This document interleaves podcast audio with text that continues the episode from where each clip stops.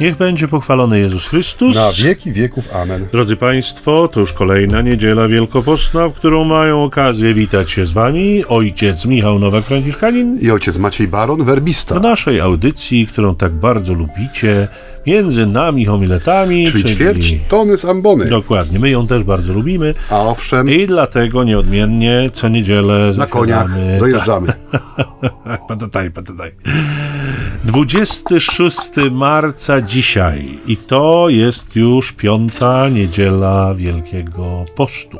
Niesamowicie ten czas leci. No biegnie, tak. Następna to już niedziela palmowa, a Jak potem... Mm, Niesamowite. Drodzy Państwo, dzisiaj dostajemy kolejną porcję Janowej Ewangelii, więc uprzedzamy oczywiście, że nie będzie krótko, bo Jan nie był krótkomówcą, był Miał czas i pióro. tak, mówił dłużej niż my. Co nie- nieczęsto się zdarza, a Janowi się udało. Jedenasty rozdział tejże Ewangelii, e, wersety od 1 do 45.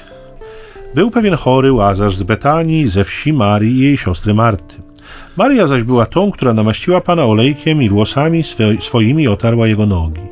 Jej to brat Łazarz chorował. Siostry zatem posłały do niego wiadomość: Panie, oto choruje ten, którego ty kochasz. Jezus, usłyszawszy to, rzekł: Choroba ta nie zmierza ku śmierci, ale ku chwale Bożej, aby dzięki niej syn Boży został otoczony chwałą. A Jezus miłował Martę, jej siostrę i Łazarza. Gdy posłyszał o jego chorobie, pozostał przez dwa dni tam, gdzie przebywał. Dopiero potem powiedział do swoich uczniów: Chodźmy znów do Judei. Rzekli do niego uczniowie rabbi, dopiero co Żydzi usiłowali cię ukamienować i znów tam idziesz? Jezus im odpowiedział, czyż dzień liczy dwunastu godzin? Jeśli ktoś chodzi za dnia, nie potyka się, ponieważ widzi światło tego świata. Jeżeli jednak ktoś chodzi w nocy, potknie się, ponieważ brak mu światła. To powiedział, a następnie rzekł do nich, Łazarz, przyjaciel nasz zasnął, lecz idę go obudzić. Uczniowie rzekli do niego, Panie, jeżeli zasnął, to wyzdrowieje. Jezus jednak mówił o jego śmierci, a im się wydawało, że mówi o zwyczajnym śnie. Wtedy Jezus powiedział im otwarcie: Łazarz umarł, ale raduje się, że mnie tam nie było, ze względu na was, abyście uwierzyli. Lecz chodźmy do niego. A Tomasz, zwany Didymos, rzekł do współuczniów: Chodźmy także i my, aby razem z nim umrzeć. Kiedy Jezus tam przybył, zastał Łazarza już od czterech dni spoczywającego w grobie. A Betania była oddalona od Jerozolimy około 15 stadiów. Wielu Żydów przybyło przedtem do Marty i Marii, aby je pocieszyć po utracie brata. Kiedy więc Marta dowiedziała się, że Jezus nadchodzi, wyszła mu na spotkanie, Maria zaś siedziała w domu. Marta więc rzekła do Jezusa: Panie, gdybyś tu był, mój brat by nie umarł. Lecz i teraz wiem, że Bóg da ci wszystko, o cokolwiek byś prosił Boga. Rzekł do niej Jezus: Brat twój zmartwychwstanie. Marta mu odrzekła: Wiem, że powstanie z martwych w czasie zmartwychwstania w dniu ostatecznym. Powiedział do niej Jezus: Ja jestem zmartwychwstaniem i życiem. Kto we mnie wierzy, to choćby umarł, żyć będzie. Każdy, kto żyje i wierzy we mnie, nie umrze na wieki. Wierzysz w to? Odpowiedziała mu: Tak, panie. Ja mocno wierzę, że ty jesteś Mesjasz, syn Boga, który miał przyjść na świat. Gdy to powiedziała, odeszła i przywołała ukradkiem swoją siostrę, mówiąc: Nauczyciel tu jest i woła cię. Skoro zaś tamta to usłyszała, wstała szybko i udała się do niego. Jezus zaś nie przybył jeszcze do wsi, lecz był wciąż w tym miejscu, gdzie Marta wyszła mu na spotkanie. Żydzi, którzy byli z nią w domu i pocieszali ją, widząc, że Maria szybko wstała i wyszła, udali się za nią, przekonani, że idzie do grobu, aby tam płakać. A gdy Maria przyszła na miejsce, gdzie był Jezus, ujrzawszy go, padła mu do nóg i rzekła do niego: Panie, gdybyś tu był, mój brat by nie umarł. Gdy więc Jezus zobaczył ją płaczącą i płaczących Żydów, którzy razem z nią przyszli, wzruszył się w duchu, rozrzewnił i zapytał, gdzie go położyliście. Odpowiedzieli mu, panie, chodź i zobacz. Jezus zapłakał. Żydzi więc mówili o to, jak go miłował. Niektórzy zaś z nich powiedzieli, czy ten, który otworzył oczy niewidomemu, nie mógł sprawić, by on nie umarł? A Jezus, ponownie okazując głębokie wzruszenie, przyszedł do grobu. Była to pieczara, a na niej spoczywał kamień. Jezus powiedział: Usuńcie kamień. Siostra zmarłego Marta rzekła do niego: Panie, już cuchnie, leży bowiem od czterech dni w grobie. Jezus rzekł do niej: Czyż nie powiedziałem ci, że jeśli uwierzysz, ujrzysz chwałę Bożą? Usunięto więc kamień. Jezus wzniósł oczy do góry i rzekł: Ojcze, dziękuję Ci, że mnie wysłuchałeś. Ja wiedziałem, że mnie zawsze wysłuchujesz, ale ze względu na otaczający mnie tłum to powiedziałem, aby uwierzyli, żeś Ty mnie posłał. To powiedziawszy, zawołał donośnym głosem: Łazarzu, wyjdź na zewnątrz. I wyszedł zmarły, mając nogi i ręce przewiązane opaskami, a twarz jego była owinięta chustą. Rzekł do nich Jezus: Rozwiążcie go i pozwólcie mu chodzić. Wielu zatem spośród Żydów przybyłych do Marii, ujrzawszy to, czego Jezus dokonał, uwierzyło w niego. No jest to 45 wersetów, potężny fragment. Właściwie teraz przydało się tu przerwa, żeby to sobie przyswoić. Tak. Ojciec Michał też musi się zregenerować, zwilżyć wargi. No, koniecznie. Więc ja przejmę teraz pałeczkę. E, ten e, wstęp, który poczyniliśmy, który nam przypomina o upływie tego czasu wielkopostnego, e, jest nie bez kozery. Czas dzisiaj w Ewangelii ma pewne znaczenie. Mianowicie, kiedy czytamy ten pierwszy fragment, widzimy dosyć tajemnicze działanie. Podobne troszeczkę do tego, o czym mówiliśmy sobie w przypadku tych pytań, które się pojawiły wobec przyczyny choroby czy ślepoty, kto zawinił e, i, e, i czyja to wina. Tutaj jest ten czas, który mm, no, można powiedzieć, Jezus marnuje, tak? Kiedy dowiaduje się o chorobie, o cierpieniu przyjaciela, nie siodła rumaka, nie wsiada na skuter, nie odpala rakiety i nie pędzi, e, nie pędzi na to, by na, do Betanii, by go uratować, ale jak gdyby celowo no, opóźnia to przybycie do Betanii. Nie? Można sobie postawić pytanie, dlaczego tak się dzieje. W sensie to wytłumaczenie, które pada, że będą się objawiały wielkie rzeczy, e, że, obja że objawi się chwała Boża, no, jest takim tłumaczeniem, które no, nie do końca może wszystkich przekon przekonywać. Nie? E, jest takie fa fajne zdanie księdza Pawlukiewicza, które często ostatnio wraca w, w formie takich różnych memów, e, że Pan Bóg przychodzi 15 minut za późno, a i tak zawsze jest na czas. Nie? I ona jak ulał pasuje do tej sytuacji, którą dzisiaj, e, dzisiaj rozważamy, mianowicie e, to nasze rozumienie czasu, jeżeli chodzi o chociażby właśnie o cierpienie, o jego przyczyny, o czas chorowania, o czas cierpienia, e, no ono jest czasami mocno zaburzone i zubożone, nie? że mm, my mamy taką taką potrzebę Boga reagującego natychmiast, że kiedy przychodzimy z jakąś konkretną prośbą, y, którą, której nie boimy się wyartykułować na modlitwie, czy to w intencji mszalnej, czy w modlitwie jakiejś wstawienniczej, bardzo często nasze oczekiwanie jest takie, że skoro myśmy się zdobyli na odwagę i szczerość wobec Pana Boga, to reakcja powinna być według naszego zegarka natychmiastowa, nie? że chcemy Panu Bogu mówić, gdzie i kiedy ma objawiać swoją miłość i najlepiej, żeby to zrobił natychmiast. Tak, i to y, ten lęk y, nasz, myślę, ma tutaj duże znaczenie i to jest lęk przed śmiercią. Zobaczcie Państwo, że to jest jeden z zasadniczych lęk, lęków y, człowieka. Wszelkie badania na to wskazują, które miałem okazję gdzieś tam kiedykolwiek spotkać, to rzeczywiście w tej y, jakby y, gamie różnych lęków ten lęk przed śmiercią jest duży. Być może jest jeszcze jeden większy lęk, który wyprzedza swoje własne umieranie, to jest lęk przed śmiercią kogoś bliskiego. I to y, częściej może w, w tych takich więziach stępujących, to znaczy śmierć dziecka albo śmierć współmałżonka, no bo y, mamy trochę większą odporność na śmierć rodziców, wiemy, że oni kiedyś odejść muszą i zwykle odchodzą przed nami. No ale, ale ten lęk przed śmiercią jest niewątpliwy. I y, to, co Maciej powiedział, nie, no jakby móc zaradzić jakiemuś złu i mu nie zapobiec, no to trochę tak zgadzać się na to zło. Nie? Dla nas największym złem tego świata jest śmierć. To jest zupełnie oczywiste. I, I ta niewrażliwość Jezusa, oczywiście taka domniemana, nie? niewrażliwość Jezusa rzuca nam się tutaj w oczy, no bo po cóż ludzi przeprowadzać przez takie trudne doświadczenia? Czy nie byłoby prościej, nie wiem, przyjść, uzdrowić Łazarza i znów pozwolić Marcie coś ugotować dobrego? No przecież zjadłoby się, nie? Oj, Na pewno jak? była dobrą kucharką. Żeberka. No, czy te wszystkie łzy, nie? czy całe to cierpienie było rzeczywiście potrzebne?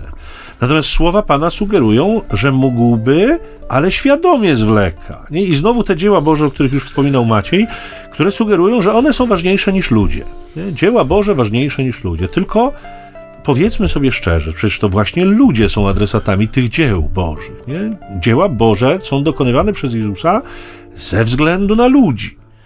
One są dokonywane e, przez Pana właśnie dla i ze względu na ludzi. I ja przyznam szczerze, że tysiące razy słyszałem, nawet nie tak dawno, kilka dni temu, taki bolesny zarzut wobec Jezusa, którego doświadczają ludzie, który gdzieś tam w nich e, się e, generuje, wykwita. Dlaczego Pan Bóg mówi tak mocno i boleśnie? Nie? Czy nie mógłby do nas w naszym życiu przemawiać trochę łagodniej? I przyznam szczerze, że kiedy nad tym myślę, to z kolei powstaje mi mm, e, taki obraz szkoły przed oczami i Jezusa w tej szkole jako nauczyciela. Nie? Więc drodzy, gdybyśmy tak sobie wyobrazili Jezusa jako nauczyciela, a my jesteśmy jego uczniami, mm, no właśnie w perspektywie takiej szkolnej, nie? może trochę wykraczając poza te, e, te kryteria ewangeliczne, Jezus, nauczyciel i uczniowie, ale tak wyobraźmy to sobie wszystko w kontekście szkoły, to y, powinno nam chyba stanąć przed oczami i powinniśmy sobie uświadomić taką jedną rzecz, która dzisiaj, y, no niestety,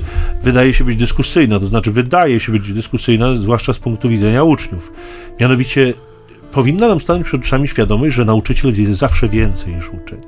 Nie? Y, co tak jak powiadam dzisiaj, y, zresztą może nie tylko dzisiaj, może zawsze tak było, nie? Ileż to razy mówiliśmy, że ten nauczyciel jest głupi albo jakiś tam, nie?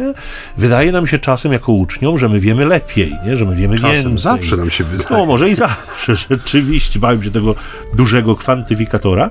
Natomiast rzeczywiście y, nauczyciel wie zawsze więcej od swojego ucznia. Oczywiście wykluczamy jakieś tam wąskie specjalizacje albo jakieś takie wyjątkowe jednostki uczniowskie, no, które przerastają swoją wiedzą nauczyciela już w momencie, kiedy on jest ich nauczycielem. To się oczywiście zdarza. Są to pewne, pewne e, wyjątki. E, natomiast patrzymy na Pana, który jest nauczycielem, czyli wie, więcej niż uczeń. Nie? I na tym się zasadza proces wychowawczy, e, który on też zna. Zasady tego procesu są znane nauczycielowi, nie uczniowi. Nie? To nauczyciel wie, jak prowadzić ucznia i dokąd chce go doprowadzić. Nie? Co więcej, jeżeli tym nauczycielem jest Bóg, to najpewniej zna również nasze uczniowskie potrzeby i zna nasze uczniowskie możliwości jak nikt inny i dostosowuje proces kształcenia do naszych indywidualnych sytuacji. To znaczy, każdego z nas prowadzi trochę inną drogą. Y, tutaj wkracza na scenę to porównywanie siebie z innymi, które w takiej sytuacji jest oczywiście zwykle skazane na porażkę. Dlatego, że y, gdybyśmy mieli to określić, to nie jest jakieś uśrednione nauczanie, uśredniony proces nauczania, tak żeby w miarę wszyscy się w nim zmieścili. Ja bym powiedział, że to jest taka szkoła z nauczaniem indywidualnym. Po drugie, no siłę, czy, czy, czy siła przekazu e, też wynika z jego wiedzy i z pokorą trzeba przyznać, no, że jesteśmy dosyć opornymi uczniami, którzy uczą się wolno, którzy bardzo chętnie lubią wagarować, którzy niejednokrotnie odmawiają dalszych postępów, którzy mają swoje gorsze chwile. A Jezus wie, że nie ma chwili do stracenia, dlatego że stawką jest życie wieczne. I czasem w związku z tym, jedynym językiem, który my jeszcze rozumiemy w naszym życiu, jest język cierpienia. On wydaje się być zrozumiały dla wszystkich, choć reagujemy na ten język -hmm. trochę też inaczej, każdy z nas. No zapewne. Ta perykopa jest y, no, bardzo obszerna w treści. Ona oczywiście, y, tak jak tu Michał zaznaczył, y, no, objawia objawia, no, ogłasza nam pewną prawdę. Mianowicie, że dzieła Boże, tu Michał powiedział, że one są ważniejsze od ludzi. Mnie się wydaje, kiedy czytam sobie ten opis, a czytam go często, jako, wybieram go często jako Ewangelię w czasie liturgii pogrzebowej, e, i oczywiście taka mała licencja poetyka mi się tu zakracza, za, zakrada, ale patrząc na zachowanie Jezusa, mam wrażenie, że on traktuje śmierć z pogardą. Jako takie o coś, nie? Że zderzają się tu dwie perspektywy. Znaczy, te dzieła Boże nie tyle są większe od ludzi, ile są większe od śmierci. Że to, to, to takie, przepraszam, pałętanie się Jezusa, czyli nieruszenie z buta, z kopyta, żeby ratować przyjaciela przed tym, co najgorsze, sprawia, że ten lęk przed śmiercią zostaje postawiony w takiej dosyć relatywnej pozie względem tego, co ma się wykonać, co ma się dokonać za sprawą Jezusa. I Jezus traktuje tą, tą śmierć Łazarza nie jako narzędzie, ale on no, że z taką dezynwolturą podchodzi, podchodzi trochę do tego wszystkiego, że traktuje to sobie tak bardzo lekce. To znaczy, że wie doskonale, że śmierć nie ma ostatniego słowa, nie? że to nie jest najgorsze, co może ci się człowieku przytrafić, że o wiele gorsza jest ta druga śmierć, nie? w sensie ta śmierć yy, yy, wnętrza, duszy, która sprawia, że człowiek staje się martwy już za życia, chociaż jeszcze przebiera nogami i załatwia swoje sprawy, to tak naprawdę wewnętrznie bywa martwy już, nie? I to tutaj też w tej Ewangelii o Łazarzu wybrzmiewa, że Jezus pokazuje nam, ludziom, niekiedy spętanym lękiem przed śmiercią, obawą przed śmiercią kogoś najbliższego, ale też lękiem przed własną śmiercią, że to nie jest najgorsze, co może się człowieku przytrafić, nie? To jest raz. A dwa, że relacja, którą budujemy z Chrystusem już tutaj na ziemi w oparciu o, o, o nasze doświadczenie życia, o nasze doświadczenie cierpienia, które jest unikalne, że ona ma jak gdyby na celu uświadamianie nam dzień po dniu, że śmierć nie ma ostatniego słowa, nie? Że śmierć nie jest tym najgorszym, co może nam się przytrafić. To jest y, to, że niby wszyscy wiemy, że co się urodziło, to musi umrzeć. Ale powiedzmy sobie szczerze, że dla nas zawsze jest e, że dla nas zawsze jest za wcześnie. To jest rzeczywistość, która, e, która nas e, jakby no mocno niepokoi, nie? bo nawet jeżeli odchodzą ludzie sędziwi, wiekowi, no to mamy częstokroć jakiś żal, że nie dano nam więcej czasu, bo przecież jeszcze tyle trzeba byłoby powiedzieć, czy tyle trzeba byłoby zrobić no wydaje się, że ta śmierć Łazarza jest dosyć zaskakująca dla jego rodziny. To znaczy, to jest człowiek w sile wieku, to jest człowiek, który chyba cieszy się w miarę przyzwoitym zdrowiem.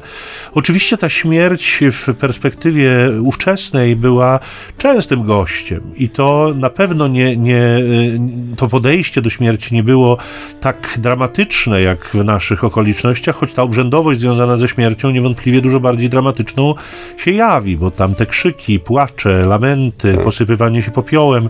To wszystko jest pewne teatrum, które, które oczywiście jest jakimś, jakimś, jakąś formą wyrazu, wyrazu żalu e, i e, smutku, ale, ale no, z tą śmiercią niewątpliwie ludzie byli oswojeni dużo bardziej niż dzisiaj, bo tak jak powiadam, ona była e, dużo częstszym gościem i w jakiś taki bardziej naturalny sposób była widziana. No, mówimy o niej dlatego, że no, jakby centralną postacią tej Ewangelii jest oczywiście Jezus, bo zawsze Jezus jest centralną postacią Ewangelii. Natomiast no, rzecz rozbija się Łazarza, który przeszedł przez te granice, poza którą już jakby no, nikt nie zagląda, a już na pewno, w, powiedzmy w zwyczajnych okolicznościach, nikt spoza tamtej granicy nie wraca. Po pierwsze, nie ma takiej władzy, a po drugie, no, wydaje się, że nie ma też żadnego powodu, bo jeżeli Bóg nas zaprasza do swojego domu, który jest nieporównywalnie piękniejszy niż ten, który mamy tutaj na ziemi, choćby nie wiem jak piękny i cudowny, no to rzeczywiście ludzie nie mają ochoty na powrót. Nie? I to czasem oczywiście no, może próżno przywoływać doświadczenia ludzi, którzy przeszli przez tak zwaną śmierć kliniczną. Nie mamy chyba na to lepszego określenia, więc tak to cały czas definiujemy. Większość zdecydowana tych ludzi mówi, że nie miała ochoty wracać do swojego ciała, E, mimo że przecież jeszcze ostatecznie tej granicy śmierci nie przekroczyli, ale już ten przedsionek, jeżeli tak wolno nam powiedzieć, o ile w istocie w nim byli, bo to wszystko są nasze domniemania, był tak piękny i tak fascynujący, że, że nie specjalnie e, jakakolwiek myśl o powrocie była dla nich fascynująca. Nie? Ale e, wrócę jeszcze na ten moment do cierpienia które jest takim językiem Boga, czy bywa językiem Boga. Zauważcie pewną mm, prawidłowość, to znaczy im bliżej Niego jesteśmy, tymczasem wydaje nam się, że tego cierpienia jest więcej w naszym życiu. To przypomina trochę znowu, żeby odnieść się do takiej y, szkolnej nomenklatury czy obrazowania, to trochę przypomina konkurs, w którym nauczyciel chce się pochwalić swoim uczniem i jego umiejętnościami. Nie, to ma być oczywiście też jakaś forma zachęty wobec innych do, do większej pracy i do większego zaangażowania, e, ale wówczas uczeń już zwykle rozumie potrzebę ciężkiej pracy i różnych wyrzeczeń. E, ten, który bierze udział w takim konkursie i znacznie chętniej współpracuje z nauczycielem, z którego mądrości i doświadczenia chce skorzystać. Nie? Więc e, nawet jeżeli wydaje nam się, że tego cierpienia jest więcej, bo to ja czasem słyszę taką, taką taki też zarzut czy niepokój, zwłaszcza jak człowiek tak ruszy z kopyta w wierze, e, to znaczy zacznie się jakoś rozwijać, odkryje tego Pana Boga, chce się do Niego zbliżać i nagle napotyka na ścianę, to znaczy robi się gorzej w jego życiu, a przecież liczył na to, że zrobi się lepiej, więc wtedy pojawia się ten taki bolesny znowu jakiś wyrzut, no przecież jak to jest, nie? Dlaczego Pan ma e, jakby taką e, tendencję do, nie wiem, większego ciosania tych, których e, do siebie przyciąga, nie? Dlaczego tego cierpienia jest jest więcej. No znana jest dobrze, cytowana już chyba zresztą w którejś audycji ta opowieść o świętej Teresie, która swego czasu podróżując E, e, gdzieś tam w tej jej karocy złamała się oś i Teresa wpadła do rzeki z mostku z, razem z, tym, z tą karocą i usłyszała w sercu głos Pana Jezusa, już była nawróconą zakonnicą, która reformowała wspólnoty klasztorne i jeździła właśnie w tym celu. No i usłyszała w sercu głos Jezusa, który mówił, tak traktuje swoich przyjaciół. Na co Teresa miała odpowiedzieć z, z właściwą sobie taką kobiecą swadą, e, pewnie dlatego masz ich tak niewielu. E, no i rzeczywiście tak możemy anegdotycznie rzeczywiście postrzegać e, nie, tę przyjaźń z Chrystusem. No po co mam w to iść? Po co ja się mam do Niego zbliżać? Po co ja mam e, się jakby z Nim bratać, skoro tego cierpienia w moim życiu jest więcej? No ale chyba to ogromne cierpienie, które obserwujemy dzisiaj w perspektywie rodziny Łazarza, Marty i Marii, ono y, y, jakby mimo tego, że je widzimy, no nie rodzi w nas pytania, y, a może wątpliwości, czy Marta, Maria no potem Łazarz, albo i wcześniej Łazarz, czy oni sobie stawiali takie pytanie, czy warto się z Jezusem przyjaźnić? Przecież jak my się z Nim przyjaźnimy, to będziemy więcej cierpieć, nie? Bo może nas Rzymianie zaatakują, albo nas Żydzi zaatakują, albo wszyscy nam zrobią krzywdę, bo przecież ten Jezus, taki jakiś wywrotowiec. No, zdaje się, że wśród przyjaciół, bliskich przyjaciół, takie pytania się nie rodzą specjalnie, nie? Czy to mi się opłaca, czy to jest dobre, w sensie takim wymiernie dobre, mhm. czy też może nie zaowocuje jakimś większym cierpieniem. Nie no, prawa przyjaźni obejmują również i to, że jeśli jestem z przyjacielem bardzo blisko, to cierpię dla przyjaciela, cierpię z powodu przyjaciela czasem. I to cierpienie jest jakoś wpisane w tę naszą relację i ona jest tego warta. Nie? I mhm. powiedziałbym, że ta relacja z Jezusem, nawet jeżeli wiąże się czasem z niezrozumiałym dla nas cierpieniem albo z niezrozumiałym poziomem tego cierpienia, nie? bo wydaje nam się, być może z naciskiem na wydaje nam się, bo to chyba czasem tak jest, to znaczy to, że obserwujemy coś więcej, wcale nie oznacza, że poziom cierpienia w naszym życiu wzrasta bo być może po prostu dzieją się różne rzeczy, których do tej pory nie widzieliśmy, albo, albo nie wiem, następuje jakiś etap kumulacji e, cierpienia w, w codzienności, ale to nie jest też tak, że, że e, mamy takie proste przełożenie. Zbliżam się do Jezusa i nagle robi mi się w życiu gorzej. Nie? Bywa tak i tu pewnie trzeba by jeszcze uwzględnić naszego nieprzyjaciela, na co dzisiaj już nie mamy czasu i nie będziemy pewnie go specjalnie uwzględniać. Natomiast, natomiast biorąc pod uwagę przyjaźń z Jezusem, to ona jest warta E, wszystkiego. Nie? Jest warta każdej straty, jest warta każdego cierpienia, ale to odkrywa dopiero ktoś, kto w nią wchodzi i ktoś, kto się w nią zagłębia. No, y, taka myśl przyszła, ta książka, którą obydwaj y, przeczytaliśmy, y, po angielsku co prawda, ale, ale taka bardzo mocna o, no mówi o kapłaństwie w tym świecie, ale też o, o Kościele jako takim. Ona właśnie pokazuje ten wymiar cierpienia w życiu ludzi, którzy stają po stronie Jezusa, w sensie nie czynią Ewangelii jakimś narzędziem do osiągnięcia ziemskiego celu, czy nie, nie rozdrabniają tej Ewangelii, nie, nie rozmywają jej, tylko przyjmują to słowo takim, jakie ono jest, jak miecz obosieczny, który Y, no miecz zadaje ból, zadaje cierpienie, nie? I te, książka jest oparta o życie konkretnego człowieka, konkretnego kapłana. No bo ty, tytuł może podaj, bo to też Księża, których potrzebujemy, by ocalić Kościół. Tak, priests we need to save the Tak, church. i ona jest niesamowita, bo to napisał dziennikarz sportowy, który przez 30 lat pisał o baseballu. Tak, tak, tak. E, Kevin Wells, y, amerykański pisarz. E, ale no niesamowicie prosta w przekazie, książka, która pokazuje, że to, co mówi Michał, że tam, gdzie z, y, rodzi się autentyczna bliskość Chrystusa, tam w życiu musi się pojawić krzyż. I nie? obumieranie. I obumieranie. Tak. Ono jest y, wpisane i to nie jest opcja, to nie jest y, jakiś walor, który się odkrywa po jakimś czasie, tylko ten krzyż przychodzi często bardzo bezpośrednio. Zresztą ten ksiądz, o którym jest ta książka, został bardzo brutalnie zamordowany, nie? W sposób taki, no wręcz powiedzieć, można powiedzieć głupi, nie? W sensie, no padł ofiarą brutalnego, no, brutalnego ataku i został zastrzelony w, swojej, w swoim mieszkaniu na plebanii e, u szczytu, że tak powiem, swojej posługi, nie? gdzie rzeczywiście tysiące ludzi, bo posługiwał w wielu miejscach i był rozpoznawalną postacią przez długie lata w, w okolicach stolicy y, Waszyngtonu, District Columbia. I, I można by powiedzieć, no, że życie zmarnowane, nie przestrzelone dosłownie, a po latach tych 20, które upłynęły od jego śmierci, widać, że owoce autentycznej bliskości z Chrystusem w życiu Kościoła, bo to nie chodzi tylko o życie tego księdza, i krzyż wpisany w to doświadczenie, że jest cały czas owocne, nie? Że, w tych, że ludzie dotknięci Jego posługą, zachęceni przez Niego do, do zmiany swojego postępowania czy wyprostowania tych życiowych ścieżek, no doświadczają jak gdyby tej, tej owoców tego do dzisiaj, nie? Że to jest fajna lektura na Wielki Post, bo to już pokazuje, na czym polega prawdziwe nawrócenie się. Tak. Ja muszę powiedzieć, że y, pamiętałem no sporo pewnie z tej książki, ale takim szczególnym uderzeniem dla mnie było takie sformułowanie jednego z księży, bo oczywiście tam z wieloma osobami on rozmawia i autor rozmawia i, i między innymi z księżmi, nie tylko, ze świeckimi oczywiście też, ale jeden z tych księży mówi, że, że dla niego takim szokującym odkryciem y, na dzień dzisiejszy w kościele jest to, że y, chrześcijanie przychodzą z pytaniem, co musimy zrobić najmniej, żeby załapać się na niebo, tak. a my jako duszpasterze zaczynamy przeżywać swoje życie w kontekście, co muszę zrobić najmniej, żeby im w tym pomóc. Nie? Jakby odwróciły nam się zupełnie kierunki. Nie co mogę zrobić więcej, co mogę jeszcze dać dla Pana, co mogę w jakikolwiek sposób jeszcze zaangażować w swoim życiu dla sprawy Bożej.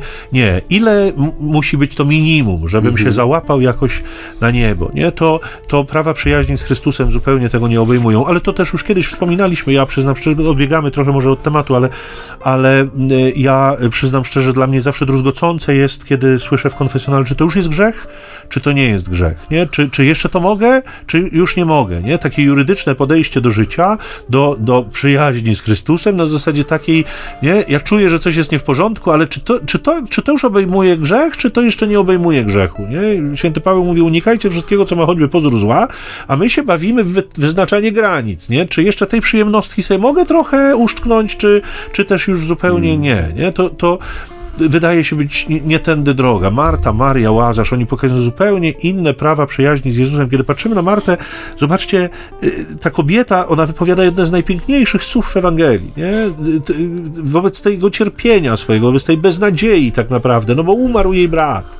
To była wyjątkowa rodzina, jakaś specyficzna rodzina, to, to czasem niektórzy się silą na zgłębienie jej tajemnicy, bo to rodzina tajemnicza. W Izraelu takich rodzin się raczej nie spotykało, żeby dwie siostry i brat mieszkali razem. Nie ludzie wchodzili w związki małżeńskie, małżeńskie, zakładali tak. swoje rodziny, y, kobiety były y, zaangażowane w rodzenie i wychowywanie dzieci, to był y, taki etos matki i żony, mężczyźni w synagodze i, i, i utrzymanie rodziny. Natomiast tu sobie tak żyją ci ludzie, nie wiadomo dlaczego i, i, i, po co, ale niewątpliwie musieli być ze sobą bardzo silnie związani, nie? I w ten związek uderza śmierć i ta Marta taka zbolała, rzeczywiście, kiedy spotyka Jezusa, ona nie ma do niego pretensji, zobaczcie, to nie pretensja pobrzmiewa w tym, w tym takim wyrzucie, raczej smutek, gdybyś tu był, nie? Ja jestem pewna, że gdybyś tu był, to on by nie umarł. Nie mam do ciebie pretensji o to, że cię nie było. Ja po prostu jestem głęboko przekonana, że twoja obecność powstrzymałaby to umieranie, nie, nie, nie odszedłby, ale ja wciąż wiem, ja wciąż wierzę, że Bóg nie odmówi ci niczego, nie, o co byś tak. poprosił. Słuchajcie, to, no co to jest? Co, co innego to jest, jeśli nie otwarcie drzwi na, na jeszcze jakieś opcje? Tu, tu jeszcze ta historia się dla Marty jeszcze nie skończyła. Kiedy przyszedł Jezus, kiedy przychodzi Jezus, to jeszcze wszystko się może zdarzyć. Nie? Ona mhm. daje takie świadectwo. Kobieta, która rzeczywiście y, y, ma w sobie jakiś zmysł wiary. Nie? My ją zwykle zwykliśmy przedstawiać jako taką kurę domową w garach, pochłoniętą y, takimi rzeczywistościami codziennymi, nie, nie ubliżając w żadnym wypadku mm. kobiecie i, i zajmującej się domem. Tylko, tylko y, trochę trywializujemy tę Martę. Być może ona naprawdę prowadziła głębokie życie duchowe, o którym nikt nie wiedział. Nie? Może nawet głębsze na jakichś tajemniczych poziomach niż jej siostra Maria, która takiej uwagi nie wypowiada. Maria mówi, no gdybyś tu był dokładnie to samo co Marta, gdybyś tu był, mój brat by nie umarł, ale nie dodaje już że ja wiem, nie? że ty y, możesz jeszcze coś tutaj y, zrobić. Nie? Być może y, być może Maria ma po prostu dobre rozumienie rzeczy nieodwracalnych, może zaakceptowała po prostu ten porządek ziemski, że brat umarł już do życia nie wróci. Rzeczy takie, jakie są, takie po prostu są i się dzieją. Trzeba je przyjmować na to, licząc na to, że, że, że no, że, no, znaczy, może inaczej, nie licząc na to, że się jest kimś szczególnym i będzie się wyrastało ponad porządek ogólnie przyjęty, natomiast Marta wypowiada te słowa w sposób taki zupełnie niezwykły, nie? I, i, i, i te, to jej wyznanie, które dalej się pojawia, nie? I które towarzyszy temu dialogowi z Jezusem, też jakoś mogłoby być wzorcowe. To jesteś Mesjasz, nie? To jest jej reakcja na słowa Jezusa, ja jestem życiem i zmartwychwstaniem, nie? I ona wyraźnie wyczuwa, że to nie są tylko tanie pocieszenia, pocieszanki, ale że to są prawdy. Tylko, że to, że ona to wyczuwa, wcale nie zmienia faktu, że toczy swoją wewnętrzną walkę. Nie dlaczego? Dlatego, że po pierwsze otacza ją niewiara ludzi. No, ci ludzie nie wierzą, że cokolwiek może się zmienić. Nie, nie ma warunków idealnych do tego, żeby Marta mogła e, wierzyć. Nie są wątpiący i pretensjonalni Żydzi dookoła, no bo mówią, czy ten nie mógł, który e, przywrócił wzrok niewidomemu, nie mógł, nie mógł powstrzymać, nie? Ta atmosfera musi się w jakiś sposób udzielać Marcie, a po drugie, no to jest jednak niemożliwe, nie? To przekracza ludzki, ludzki rozum, nie? On nie może powstać z grobu, ponieważ cztery dni w nim leży. To oznacza, że na pewno umarł. Jest takie opowiadanko, przepraszam, kończę ostatnią myśl, bo Nie, się spokojnie. rozgadałem tak, że... Fantastycznie się Oczywiście. Ja już trzecią szklankę wody wypiłem. I czwartą krzyżówkę ojciec rozwiązał. Nie, skądże znowu. Jest takie opowiadanko y, zabawne y, o człowieku, który rozpiął linę nad wodospadem Niagara. I po tej linie y, sobie ładnie kroczył. Oczywiście zebrała się masa ludzi po jednej i po drugiej stronie, wszyscy brawo, brawo. No człowiek y, na tej linie przeszedł pięknie z jednej na drugą stronę. No kto był nad Niagarą, to wie, że to No prawda. ostatnio rzadko bywa, ale ale na pewno widzieliście Państwo gdzieś tam w telewizji. internecie. e, W internecie. No jest to taki mocno duży e, wodospad. No dobrze, przeszedł, brawo, brawo, wszyscy pięknie. Więc teraz ów człowiek mówi, to zróbmy inaczej. Ja przejdę teraz na jednej nodze e, na te, po tej linie, prawda? No i rzeczywiście, no taki no, szmer zwątpienia. Oczywiście idzie, idzie, idzie, brawo, brawo. No przeszedł. Znakomicie, cudownie. A teraz, drodzy Państwo, no kto wierzy? Kto wierzy, tak? Że jestem w stanie na jednej nodze po tej linie przejść, prowadząc przed sobą taczkę. No i wszyscy, że no tak, to się uda, na pewno, nie, to teraz już wiadomo, to taki mistrz to się uda.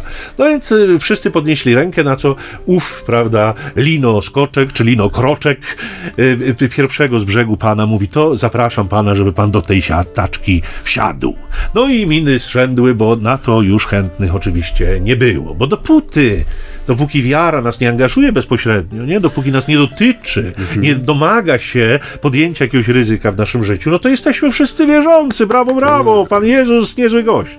Ale w momencie, kiedy tu nagle się okazuje, że musimy przekroczyć jakieś swoje własne granice, no to się rozbijamy często właśnie o nie. Aha.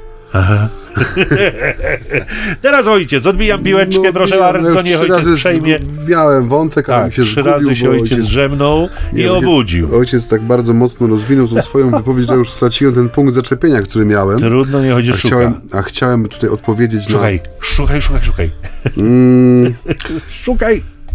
Mnie osobiście zawsze w, e, no właśnie ten e, ustalony porządek rzeczy, nie? to co kiedyś nazywano takim majestatem śmierci, czyli taką porządk, porządkującą siłą śmierci, której doświadcza człowiek stykający się z nią bezpośrednio. To gdzieś u nas zanika, w tym sensie, że e, zauważ to już niejednokrotnie też w rozmowach prywatnych mówiliśmy, nie? że na przykład w Ameryce b- b- pogrzeby za- zamieniają się w takie mm, no, quasi beatyfikację, nie? W sensie przypomnienie zasług zmarłego, tego, jakim był fantastycznym człowiekiem. Zapewnienie, że jeżeli był, nie wiem, motocyklistą, to teraz pomyka po niebieskich autostradach. Jeśli był myśliwym, to go pochłonęły wieczne knieje. Jeśli był rybakiem, to wypłynął na bezkresny przestwór oceanu i tam mu nigdy nie braknie. Czyli z jednej strony taka niewiedza, niepewność co do tego, jak wygląda ta wieczność, a z drugiej strony chęć zapewnienia jej kształtu na podstawie naszych ziemskich przesłanek, czyli takie zapewnienie pewnego przedłużenia tego, co dla nas było miłe, dobre, co świadczyło, nie wiem, o czyjejś wartości, czy pozycji, czy popularności. A więc jak gdyby zupełne odejście od tego, czym śmierć jest, nie? Że d- bo my do, doświadczamy dzisiaj tego majestatu śmierci trochę inaczej, nie? Y, Przy okazji y, poświęcenia świec gromniczych w, w parafii w czasie homilii też przywołałem właśnie no, momenty, w których używano gromnicy, nie? Tej świecy. No i mówiłem, że bardzo często było tak, że trumna stała w domu, nie? Przez długi czas przygotowana dla tego, który pierwszy odejdzie, nie? Że gromnica stała zawsze w pogotowiu na wypadek, gdyby, no nie wiem, czy najstarszy członek rodziny, czy ten najbardziej chorowity, czy nawet, nie wiem, ktoś to doznał nieszczęśliwego wypadku, nie wiem, kopnął go koń, czy spadł z wozu i po prostu został szybko przyniesiony do domu i się okazuje, że nie można mu już pomóc, nie? Wkładano mu w rękę gromnicę i ludzie gromadzili się wokół łóżka, na którym leżał człowiek, który jeszcze chwilę z nimi będzie, ale już za chwilę go nie będzie i tym, co jak gdyby łączyło te dwa światy, ten świat jeszcze doczesny, rozświetlony, mm, w sensie no, do, doczesnym światem, a tą ciemność śmierci, która przychodzi, była ta gromnica, która symbolizowała światło Chrystusa, Bożą opatrzność, opiekę Matki Bożej, różne były w tej tradycji ludowej te odniesienia do gromnicy jako takiej, ale do czego zmierzam? Że ludzie, pokolenie naszych pradziadków, dziadków, oni od małego nosili w sobie doświadczenie tego, że to uderzenie śmierci jest straszne, bywa nagłe, nie?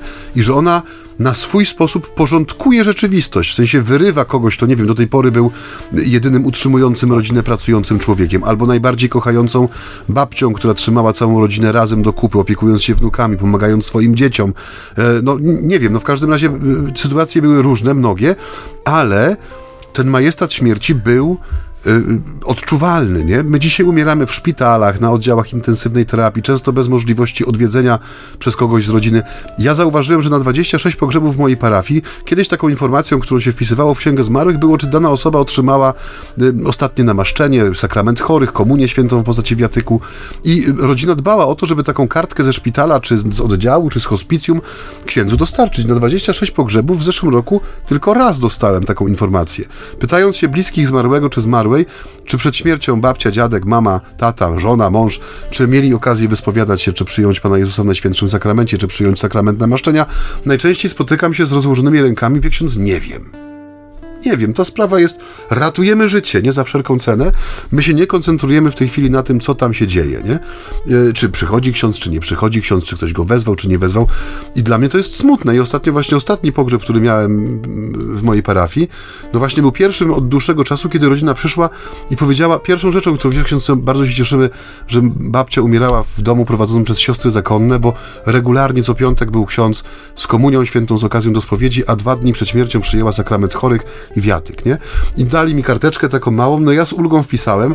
W tym sensie to też wpływa na sposób przeżywania tej liturgii pogrzebowej, nie? Że mamy, możemy z tą ufnością, uzasadnioną nadzieją. uzasadnioną nadzieją mówić o tym, że ten człowiek rzeczywiście wrócił w Boże ręce, nie? Tak. A, e, I ta dzisiejsza Ewangelia pokazuje nam z jednej strony, że Pan Jezus przypomina nam, że śmierć nie ma ostatniego słowa, ale ten werset bardzo ważny, że stanął przed grobem i zapłakał, pokazuje, że ten majestat śmierci, nie? Ta, ta, ta porządkująca potęga e, faktu śmierci, porządkująca w sensie, no, nadaje nowy ład naszemu życiu. Często, że ona istnieje i Jezus jej nie usuwa, nie? On staje przed grobem swego przyjaciela i płacze. E, i dopiero potem, powiedzmy, ciarki pojawiają się na, e, na e, naszych głowach, czy włosy, te resztki nam stają, czy powinny nam stawać, dęba, kiedy robi rzecz, no po ludzku absurdalną, żeby nie powiedzieć szaloną, nie? Mówi do pobożnych Żydów, czy w obliczu pobożnych Żydów, usuńcie kamień, czyli skalajcie się, bo wszystko, co miało styczność ze zmarłym i, i z tym całym rytuałem, tym teatrum pogrzebowym, no było objęte bardzo ścisłymi przepisami prawnymi i tam można było zaciągnąć nieczystość na 1500 sposobów, nie? Może nie przez patrzenie na kamień nagrobny, ale wszelki kontakt z grobem, z tkaninami, z wydzielinami ciała, jakimikolwiek, no zaciągał nieczystość, nie? I dlatego mówi, że Jezus trochę zuchwało traktuje tą śmierć Łazarza, żeby pokazać, że to ona nie ma ostatniego słowa. Mówi, usuńcie kamień, nie? I oni przychodzą z tym dowodem osobistym śmierci w czasach Izraela, czyli tym czwartym dniem, bo wierzono, że przez trzy dni e, dusza człowieka zmarłego jeszcze przebywa w pobliżu, nie? Że gdyby momentem śmierci takiej absolutnej jest ta czwarta doba po zgonie, no, która już objawiała się zewnętrznymi y, oznakami y, rozkładu ciała, mimo użytych tych wszystkich aloesów, balsamów i bandaży, no ciało w tym klimacie no podlega rozkładowi dosyć szybko, nie? No bo jest ciepło i sucho, więc tam y, te zapachy no, nie, są, nie są jakoś szczególnie przyjemne. Jezus staje przed tym grobem, z którego już mimo zaciągniętego kamienia cuchnie, mówi usuńcie kamień, nie? No to jest z pozycji pobożnego, wierzącego Żyda, no to jest nie, może nie bluźnierstwo, nie? Ale to jest no coś skandalicznego, nie? Tak. I nagle ten głos, który, y, tak jak mówisz, potwierdza te słowa wypowiedziane do do siostry Łazarza, że ja jestem życiem i zmartwychwstaniem, nie? Woła Łazarza po imieniu tym głosem potężnym, który wyciąga go z tej otchłani ciemności śmierci, nie? I to jest nadzieja, którą Kościół nosi w sobie, że nad naszym życiem też yy, będzie wy, wykrzyczane to imię, nie? Łazarzu, wyjdź na zewnątrz, nie? Że to, to, jest ta, to jest to źródło chrześcijańskiej nadziei, że Chrystus przeżywając ten pogrzeb Łazarza, ja się ośmielę powiedzieć, że on to też w pewien sposób inscenizuje, nie? No bo trudno uciec od, od skojarzeń bardzo oczywistych. Pieczara, kamień, płótna, opaska na głowie, tak. no gdzieś to już będzie. czytaliśmy, a właśnie jeszcze to będzie, nie? Gdzieś to będzie jeszcze. Że Jezus jak gdyby inscenizuje swój własny pogrzeb, nie? Tak. Że pokazuje autentyczność śmierci przez swoje łzy nad śmiercią Łazarza. Pokazuje i już myślę też swoim uczniom, nie? że oni też będą płakać na jego grobie, nie? że to będzie coś, co, co będzie, a jednocześnie pokazuje, jak będzie. Nie? Tak. I to jest coś, co powinno nami wstrząsnąć za każdym razem, kiedy to słowo bierzemy na warsztat, że tak powiem, duchowy, bo to nie jest tylko piękna historia z happy endem, ale to jest historia, która wbija się takim potężnym klinem w nasz sposób rozumienia świata i wiary i obecności Boga w nim, nie? I znów kolejny raz powiem, że to jest no na wielki post, ten czas, który powoli nam już ucieka, nie? Że to jest niesamowicie nawracający tekst, w sensie wewnętrznie, że on ma potężny potencjał nawracania, w tym sensie pokazywania człowiekowi, na czym tak naprawdę polega przyjaźń z Chrystusem, do czego my jesteśmy, w co jesteśmy włączeni i do czego jesteśmy zaproszeni. Nie? I to nie są przelewki. Nie? Tak jak mówię po raz kolejny, jeśli traktujemy to słowo poważnie, to wszystko, o czym tu jest mowa, to jest sprawa życia lub śmierci. Nie? I to nie śmierci doczesnej, ale wiecznej. Zobaczcie, że y, cud jest ewidentny i to jest taki cud, który może dokonać tylko Bóg. Nikt sam z siebie nie wróci do życia i e, ujrzeli chwałę Bożą. Kiedy Marta się kruszy przed kamieniem e, odsuwanym, e, mówi, już cuchnie, Jezus tylko przypomina, czy nie powiedziałem ci, ujrzysz chwałę Bożą? I ujrzała. Ona ujrzała i ujrzeli wszyscy inni, którzy byli tam na miejscu, że dokonuje się cud, który jeszcze raz powiem, może pochodzić tylko i wyłącznie z ręki Boga. I wracam, wracam do tej myśli, którą tu z Maciejem się już dzieliliśmy z Państwem. Co by musiał zrobić Pan Bóg, żeby człowiek w niego uwierzył? No, czy mógłby zrobić jeszcze coś więcej, tak? Czy, czy jest jeszcze jakiś bardziej ekstremalny cud, który moglibyśmy sobie wyobrazić, niż przywrócenie martwego człowieka do życia? I zobaczcie, że widzieli wszyscy, ale uwierzyli tylko niektórzy. Nie? Uwierzyli tylko niektórzy, a byli i tacy, którzy donieśli faryzeuszom i y, sytuacja zaczyna się zagęszczać, bo Łazarz został wskrzeszony, y, natomiast jego śmierć jest już planowana w pewnych środowiskach. Tak. Łazarza też trzeba zgładzić, ponieważ z jego powodu niektórzy Żydzi odłączyli się od synagogi i zaczęli wierzyć y, w Jezusa. W nieodległej Jerozolimie już jest znowu planowane uśmiercenie Łazarza, co oznacza, że na tej ziemi wszyscy muszą umrzeć. Taki świadek jest, przepraszam, jest zbyt niebezpieczny, trzeba go wyeliminować. Y, puentując i kończąc, y, y, Pamiętam taką myśl sługi Bożego, czcigodnego arcybiskupa Fultona Shina, która na mnie zrobiła bardzo duże wrażenie i w tej sytuacji jest jak najbardziej adekwatna. Mianowicie Shin mówi tak: Słońce, to samo słońce, zupełnie inaczej działa na wosk i zupełnie inaczej działa na błoto. I tu jesteśmy tego świadkami. Jedni się nawracają i wierzą, inni się mhm. zatwardzają czy utwardzają w swojej niewierze. E, Jezus jest linią podziału. Był, jest i będzie do końca tego, co nazywamy światem, do końca tego, co jest projektem Ziemia, do końca tego, co jest naszym życiem. Jezus będzie linią podziału i będzie nieustannie potrzeba, konieczność opowiedzenia się albo za nim, albo przeciwko niemu. Nie ma innej opcji. Dobrych wyborów Państwu życzymy na, na ten, ten Wielki Post, Postu. Ostatnie już jego tygodnie. jego dni. Tak. A zapraszamy też do tego, żeby nie wiem, posłuchać sobie może archiwalnych odcinków naszej audycji. Może sobie posłuchać muzyki w trakcie, bo nie zrobiliśmy przerwy na muzykę. No i dobrze, jest Wielki Post. Pewnie coś Tadeusz wciśnie tam gdzieś między, Daj ale Boże. może bongosy jakieś chociaż przypominające o e, afrykańskich zwyczajach pogrzebowych. Natomiast y, my się rozpędziliśmy trochę w tym słowie i no i o, i tak. No ale dzisiaj słowa było obfite, więc nie było czasu na żadne brzdąkanie. Drodzy Państwo, jakbyście mieli ochotę się z nami skontaktować, to róbcie to śmiało. Tak. Tak jak powiadam, czasem dochodzą do nas również krytyczne głosy.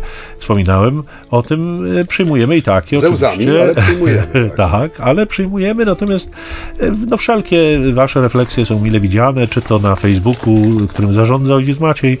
E, Tytuł strony jest taki jak tytuł naszej audycji, czyli Między nami i homilitami, czyli ćwierć tony z ambony, po wpisaniu w, w lubkę, czyli w wyszukiwanie, wyświetla się y, strona grupy takiej na Facebooku. Tam są zapowiedzi kolejnych odcinków i też czasami ciekawe dyskusje pod nimi. lubka to nie jest mała wilczyca Nie. po łacinie, tylko taki przyrząd do powiększania. Tak, no, towarzyszy wyszukiwarkom wszelakim w internecie.